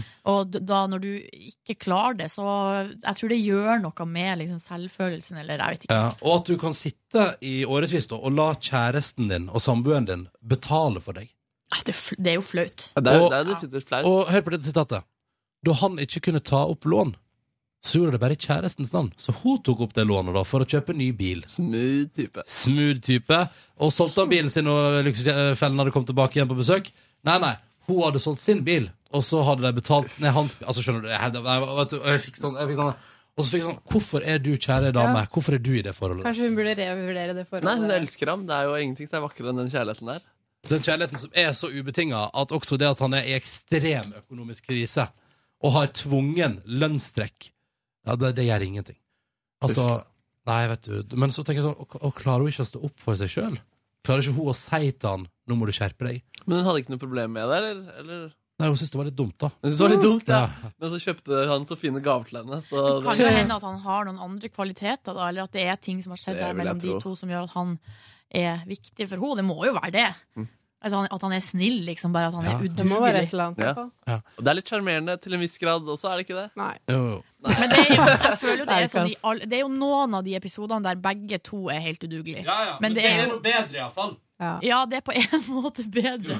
Men sånn som hun som er sammen med han fyren der som drakk sånn 15 liter melk hver dag. Så alle pengene til familien gikk til melk og rullingsrøyk. Oh. Altså da Det er så spesielt, det. 3500 views, Markus. Er det sant? Ja, det er ganske Det Bedre enn YouTube å legge rett på Facebook, altså. Det må vi begynne med. Å legge, legge rett på Ja. Face. Eh, Um, fordi Ronny spurte om han kunne få link, så han legger den fra sin kanal. Usikker på om han har en Facebook som han kan Jo, det har han, men om han kommer til å dele den, eller om vi må legge den på YouTube for at han skal gjøre det. Eh, får vi finne ut av. Vi, vi dobbeltpubliserer den. Men, men uh, videre så så vi på Ylvis show. Ja! I går var det jo to timers sesongavslutning. med- Unicef eh, Hollois. ja. Eh, Og det var litt interessant, spesielt i et sånn der P3 Aksjon-retrospekt, å se på hvordan Ylvis valgte å samle inn penger i går. Ja. Og jeg må få si, det var to timers sending. Eh, Var det gøy? vet du, det ble i tyngste laget for meg. OK. Eh, så masse eh, elendighet. Det var kanskje tre Det var tre sketsjer, da. Og så var resten videoer av kjendiser som besøkte folk som har det jævlig. Ja. Og det, vet du, det ble altså rett og slett i tyngste laget. Jeg syns det var Eller jeg mener da, og tror jeg kanskje enda sterkere, at det er det er lov å samle inn penger til veldedighet uten at man nødvendigvis må trykke det så enormt opp i fjeset. Jeg syns det, det til og med var tyngre enn å se på TV-aksjonens sending. Mm. Uh, Det var veldig, veldig mye videoer av Det er liksom Det er Jarle Andøy, da, som er i uh, Sentral-Afrika og prater med barnesoldater som har sett foreldrene sine bli drept og sånn. Eh, og er, så er det den letteste var jo kanskje med hun um, Cecilie Skog, da, som er gravid, og som er å møte andre gravide uh, i Nepal, Ja. som har fått helsestasjon av eh, Unicef. Men uh, det ble, det ble liksom um, Eller det, var, det, det gjorde jo til at de tre sketsjene som kom, var enda morsommere. Men tror du at det blir ekstra tungt når det handler om barn? Ja, det, ja men det, det tror jeg jo, At men man det liksom, da men- føler man det enda sterkere. Jo, det, det, det tror jeg nok, men det var ikke sånn tungt heller. Det var bare veldig sånn tungt-tungt. Ja. At det var tungt, tungt, tungt, tungt. Eh, Skjønner ikke helt hva du mener, men og så skulle vi endelig få se uh, Bård Ylvisåker få munkesveis, da. ja. Men da fikk vi se første klipp, og så skulle vi se en oppsummeringsvideo som viste alle de videoene vi har sett tidligere på kvelden. Istedenfor. Og så fikk jeg se at han ble barbert. Nei, du fikk se liksom idet de tar første klipp, og etterpå. Og det var gøy etterpå. Eh, Han så men- ikke ut. Han så ikke ut, men det, eller det som er gøy, at det første kamerabildet du ser av han, da er det liksom undervinkla frammefra. Ja. Og da ser det ut som det, han har kommet fra det med god stemning. Det første umiddelbare tanken er Nei, dette var ikke så gale. Til han da, altså til du ser toppen av hodet og bakhodet. Og da tenker du å, fuck no. Men han må jo skin, han må jo skinne seg. Nei, det må han nok, ja. Det der går jo ikke an. Ja. Men det er gøy, da, for det liksom håret er jo virkelig virkelig Er det ikke liksom popstjernesveisa? Eller Nei, han har jo, Det det er jo helt skinna. det er jo barbert på toppen. Ja, nemlig. Det er som da Yngve fikk fuglerede av Kristin Skogheim her i Petter i morgen. Det en episk hendelse. Og den hendelsen der, det var fornøyelige greier. Og han, og han gikk inn og tenkte at hun sikkert ikke kom til å gjøre så stor skade. Hva var, hva var inngangen? Nei, eh, Kristin Skogheim, vi skulle prøve om hun kunne ha et annet yrke. Frisør, for eksempel. Ja. Så Yngve meldte seg frivillig til å la henne klippe han. Eh, og så skam, altså, hun skamklippte han jo. Sånn virkelig, liksom. Ja, det var helt krise. Yngve måtte skinne seg etterpå. Men, altså, men så ble jeg så overrasket over at han ikke så det komme, da. At han etterpå ble sånn Hva faen skjedde der? Og så er det sånn Jo, men så du ikke det komme? Når Kristin Skogen på et tidspunkt lager sånn rede på toppen av hodet hans som hun kan putte drops i, og lager sånn dropsskål midt på hodet til Yngve. veldig gøy radio, da. og Veldig gøy. Det ligger på internett. Ja. Det er fri beskuelse. Jeg bare sier det. Da skal jeg sjekke ut den Ja, ja, ja. YouTube-videoen der. det Kristin. Skogheim og Yngve Hustad. Ja, men jeg tror du må på Google. Det ligger på NRK sin TV-spiller. Ja, finner du det? Er ikke det de videoene som er borte? Nei, disse er faktisk fra NRKs sentrale videoarkiv. Oh, ja. Så hvis du skal se NRK-video Kristin Skogheim Yngve. Halleluja. Skamklipt av Der, ja. Kristin Skogheim øverst. Få på noe lyd, da. Skal vi se her. Om det er noen lyder, da? Ti Det minutter. der er aktuell med programmet Komikere i arbeid, der hun og andre komikere Yngve har dame og sånn. Ja. så det- Gå for akkurat det du føler for. Men jeg- nå får jeg ikke på maskinen. Da kan... Du? Mm. Oi.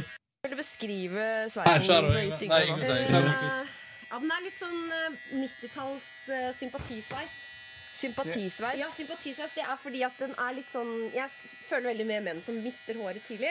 Og det jeg syns er liksom det rareste, er det at de, at de også har igjen en sånn dott her foran. Foran på pannen. For det, Ja. Yngve har jo litt hår foran på pannen, og så er han skalla i en sånn slags belte bak der igjen. Ja, Og så er det ikke noe bakpå i- Nei. her igjen. Så har du måne. Ja. Og så er du, ja, og så er du veldig Altså så er du barbert liksom helt opp til halvveis oppå kraniet. Ja. Så du har rett og slett et Du har et full Nei, ligner på Harald Eia.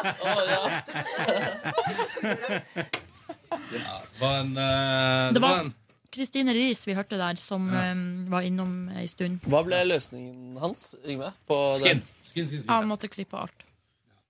Ikke parykk. Så var han kjempesur ganske lenge. Ja, han Og- likte det ikke på ordentlig, nei. Og det var så komisk med Yngve, for han er jo en gigantisk ertekrok, liksom. Og erta jo alle andre. Eh, Men det der var jo sånn typisk sånn Endelig hadde vi noe på han. Men så syntes han ikke det var han artig i det hele tatt. Det er veldig eh, Ja. Han var litt sånn sår på det. Å, det var komisk. Ja, det var gøy, ja. Um, utenom det, ingenting mer i går. Uh, la meg gjette Ylvis-festen. Hva fikk de inn, da? Av penger? De fikk inn eh, Nei, de fikk inn, de fikk inn over 3500 faddere. Ja, okay, sånn, ja. Så det var målet der, altså, Mm. og da ble Bård uh, skamklipt. Men eh, altså, for all del fint, men det var litt, nei, det var litt eh, tungt, altså, på en sånn eh, Ja. Så jeg er ikke sånn fadder, eller skal, burde jeg bli det? Ja, men jeg, jeg ville gjort bedre research på hvilken organisasjon du eventuelt ønsker å gi dine penger til. da Ja. Det syns jeg er litt vanskelig. For jeg var, jeg var jo Redd Barna-fadder en stund. Ja. Og dette har jeg jo pratet om før, men jeg ble så opprørt over at uh, jeg var fadder og ga 450 kroner hver måned til Redd Barna. Men likevel så fikk jeg da hver måned i posten min sånn flotte Og det er sånn Jeg veit hva det koster å trykke opp sånne flotte foldere med personlig til meg, med mitt navn på, og med sånne hull inni, sånn at du kunne liksom åpne opp en slags ramme, og så var det et lite barn inni som hadde det vondt, og et ønske om at jeg skulle gi mer penger. Og det fikk jeg hver måned i posten. Så altså, jeg tenker sånn at det var enorme summer som gikk ut igjen for å kreve mer av meg som allerede ga. Ja. Og det synes jeg var litt sånn der, det var utrolig provoserende på flere måter. da For det første at de tillater seg å bruke Altså jeg tenker sånn At alle fadderne deres får et dyr papirprodukt i posten hver måned, i tillegg til at man da aldri føler at man gir nok da når du gir 450 kroner, Ja, det er sant. men likevel får beskjed om at hei, du skal betale mer. Så da ble jeg så sint at jeg, eh, jeg sa opp der etter hvert, og så har ikke jeg blitt eh, fadder noen ny plass etterpå. Men jeg kunne tenke meg å bli det, og det har jeg råd til i mitt eh, liv. Ja. Eh, så, men jeg vet ikke om jeg velger mer Redd Barna med det første. Nei. Jeg lurer liksom på nei, bistandsorganisasjoner. Spennende. spennende. Men eh, til eh, Papirfabrikken, som lages enda finere kort, kan eh, også gi penger. Det er, sånn, bistand og sånn er jo generelt veldig sånn komplekst og litt sånn vanskelig. Ja. Den siste saken nå er jo den her eh, norsk organisasjon som med penger fra UD, altså fra norsk skattebetalere, som har eh, finansiert et sykehus i Syria. Og så viste det seg da at det sykehuset mest sannsynlig er under kontroll av IS. Ja, det var det. Og det er liksom Jeg tror det var vel seks millioner som UD først hadde gitt sykehuset, og så var det fortsatt med eh, månedlig utbetaling på 250 000 kroner. Som nå går til det sykehuset. Og det er jo sånn, herregud, selvfølgelig skal man hjelpe til uh, i sånne type områder. Og når sivile eh, masse, Det er masse sivile tap, Mm. og folk som blir skada og sånn. Men så hadde NRK snakka med masse folk der nede i den byen som sa sånn at, eh, at eh, det er IS som bestemmer hvem som skal få lov å komme inn på det sykehuset og ikke. Mm. Eh, sånn at man er på en måte ikke Da er det på en måte ikke garantert at um, at, de sivil, at det går til de sivile, da. Ja. Det er mange, men det er mange sånne saker, da. Masse. Jeg følte sånn, eh, Det andre var Nobelsprisen. Han som hadde lagd et sånt firma som gjorde at det kunne være lett for fattige eh, og, i Asia og lage sin Det er- egen bedrift. Ja, stemmer. Eh, og det viste seg etter hvert at han eh, Ok, jeg må dobbeltsjekke den kilden her før man skal ta det 100 for det, men det var et eller annet at han hadde tatt litt mye penger sjøl, og at det prosjektet ikke var helt gunstig. Mm. Så det er, det er også Nobelprisen man, De gjør vel grundige Ja. overveiinger, og så ja. Jeg tror jo også at eh, nå det der blir jo bare mer og mer uh, ordning på. Og så tenker jeg også med det så, altså, Med den globale verden da, så blir det bare lettere og lettere å eh, ettergå og sjekke at ting og at pengene går dit de skal. Mm. Fordi nå er det bare én telefon til Syria. Eh, eller to, da. En Facebook-message. en Facebook-message og en- kanskje en liten Snapchat, så har du litt informasjon. Men før så måtte du jo reise ned dit. Mm. Og på måte- Altså sånn, ja. Men jeg tror også at i den globale verden at det kan bli lettere og lettere å komme unna med å være en snuskete person. Ja, fordi man kan bare på si, si på telefonen Her går alt fint. Ja, ta det med ro, slapp av. Syria er det beste hender. Men det var jo det, for at den her organisasjonen i Norge sa jo Men vi har jo kontakt med det sykehuset jevnlig, og de sier at det er fryd og gammen. Eh, Så sånn det var jo litt sånn Det blir jo litt sånn Ja. ord mot ord, da. Jo, men det er sånn, sånn Jeg tenker sånn at det, den smellen der kan man dessverre i eh, en sånn verden som vi lever i, gå på, da. Ja, er du gæren? Og jeg tror ikke det er med hensikt at de støtter et IS-sykehus, men jeg tror det bare handler om at uh, ja, man sender penger mange plasser, og av og til så går det og Det var en sånn IS-muldvarp i Norge som sørger sørget for å gi penger. Der har vi det. Der har vi det. Uh, hva gjorde du for i går, Markus? Jeg uh, stressa ekstremt mye og lenge for å få gitarutstyret i orden. Jeg kom ganske sent hjem fra jobb, og så oppdaget jeg at uh, gitarbrettet mitt, som er en sånn allsidig gitarbrett, ganske billig, som er brukende til ganske mye Jeg har ikke brukt det på veldig lenge fordi det er ganske uproft.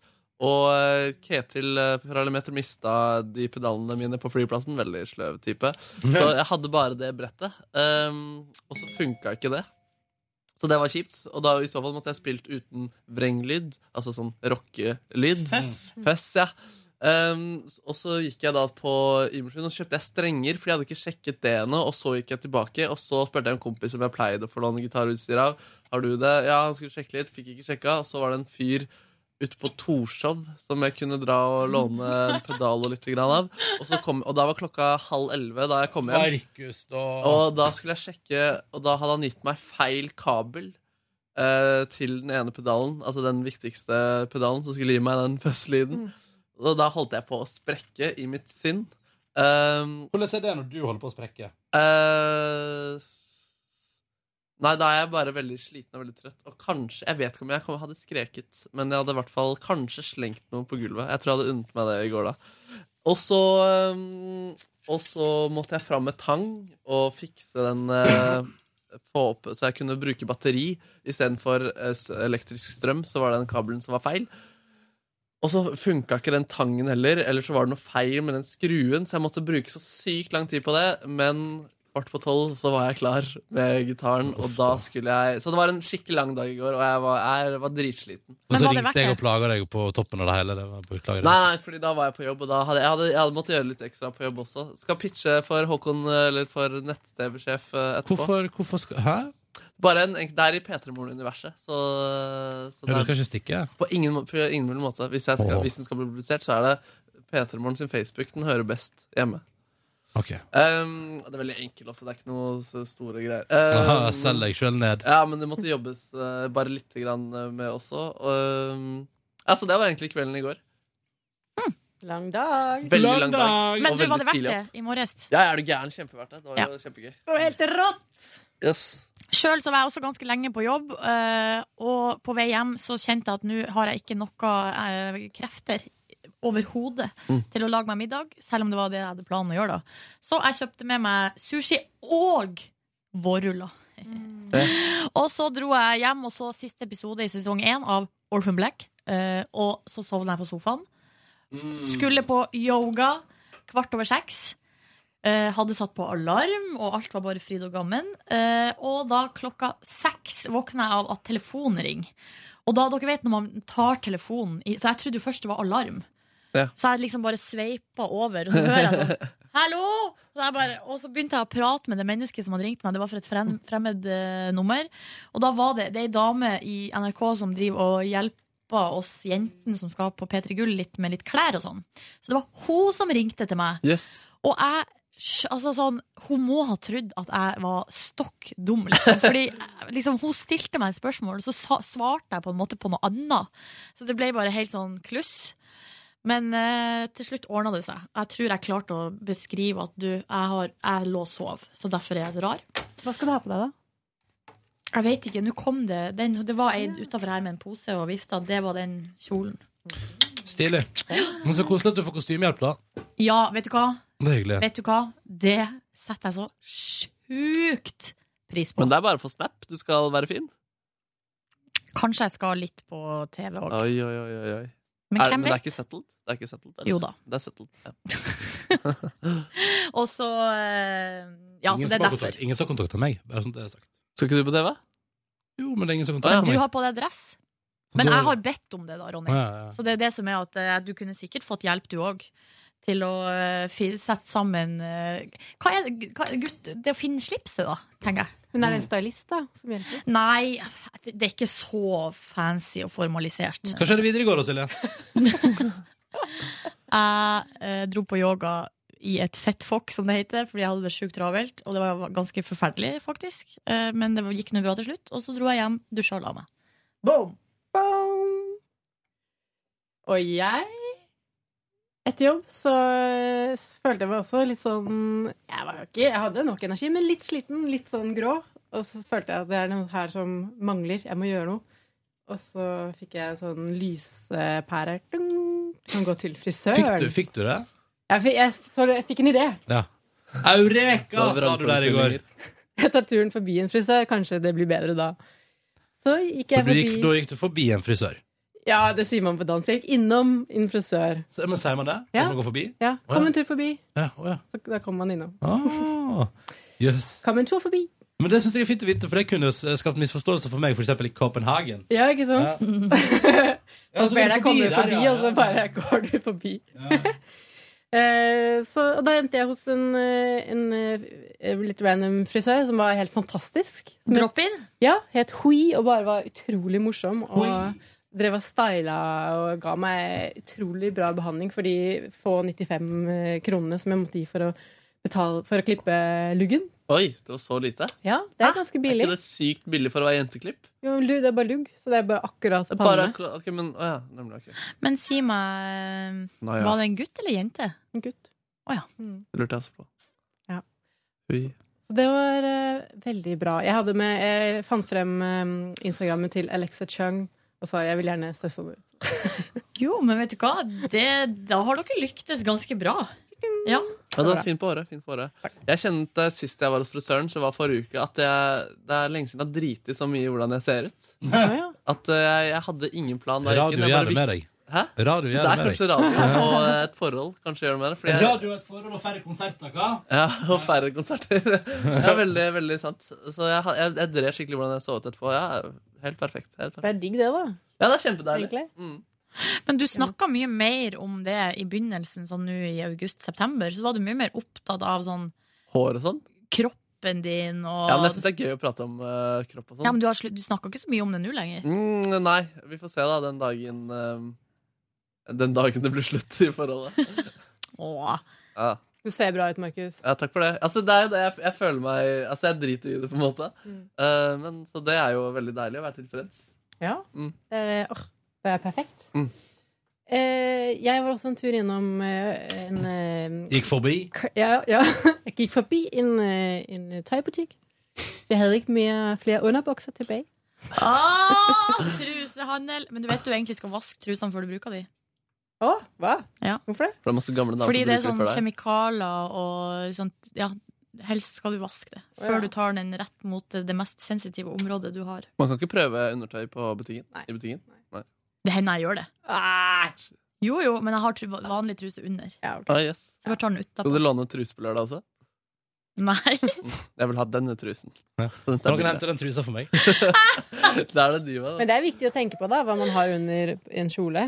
Altså Ja, jeg har bare- sett meg ut ei truse hjemme som jeg skal ha med på meg på lørdag. Ja. Uh, Fintrusa. Ja. Hvilken farge er den? Den er svart. Så, så man vet jo aldri. Nei da. Nei, men jeg var, Da jeg var i uh, bryllup, så var det en som hadde så trang kjole at hun måtte gå kommando. For ellers så ville liksom Oi! Åh! Var det Deler- camel toe party, eller? Uh... Nei, Det kunne man ikke se, men rumpa den var så tight på rumpa. Oi, så Hvis hun hadde hatt en Lekkert. truse, så hadde man Wow, det er en trang kjole. Ja, ja den var veldig trang. Det tror jeg ville ha følt For jeg liker jo å gå kommando, men, uh, men å gå kommando ute blant folk, det har jeg gjort noen ganger, og det er veldig spesielt. Spesielt med kjole, for der er det liksom rett luft Rett, opp. ja. Åh, deilig å få lufta litt òg, hæ? Kjenne at det I blæs. kirken. Uh, mye. Hva, altså, kirka? Ja, men det var bryllup, så hun var i kirken. Ja, ja, men det må da være lov til å være naken under kjolen i kirka? Altså, Gud, Gud, har, Gud har aldri satt ned foten rundt det å lufte i kirkas uh, hellige hus. Nei. Det kan jo hende at presten er naken under den kjortelen. -hmm. Det har sikkert skjedd mange ganger. Du, Ja. Det tror jeg har skjedd. Garantert. Ja da, det har skjedd mye rart i kirkens rom. Hvordan eh, vaska du videre i går, eller eh, var du, sa du deg fornøyd? Jeg? Ja. Uh, nei, det ble ikke gjort noe. Jeg kom på det fordi jeg så for meg rommet mitt, og det er, jeg orker nesten ikke å være hjemme. Jeg må Nei. gjøre noe skikkelig. Åh, jeg har det så strøkent hjemme, det er dritdigg. Men det er fordi at jeg Det er måtte, så digg å ha det strøkent hjemme også. måtte vaske etter den der festen, da. Så det var jo derfor. Vet dere hva, nå må vi gi oss. Tusen takk for at du hørte på Petra Morgens podkast denne onsdagen. Vi er tilbake med en ny podkast i morgen. Eller rett etterpå, hvis du henger etterpå og kan bare trykke play next. Ha det! Hør flere podkaster på nrk.no podkast. P3.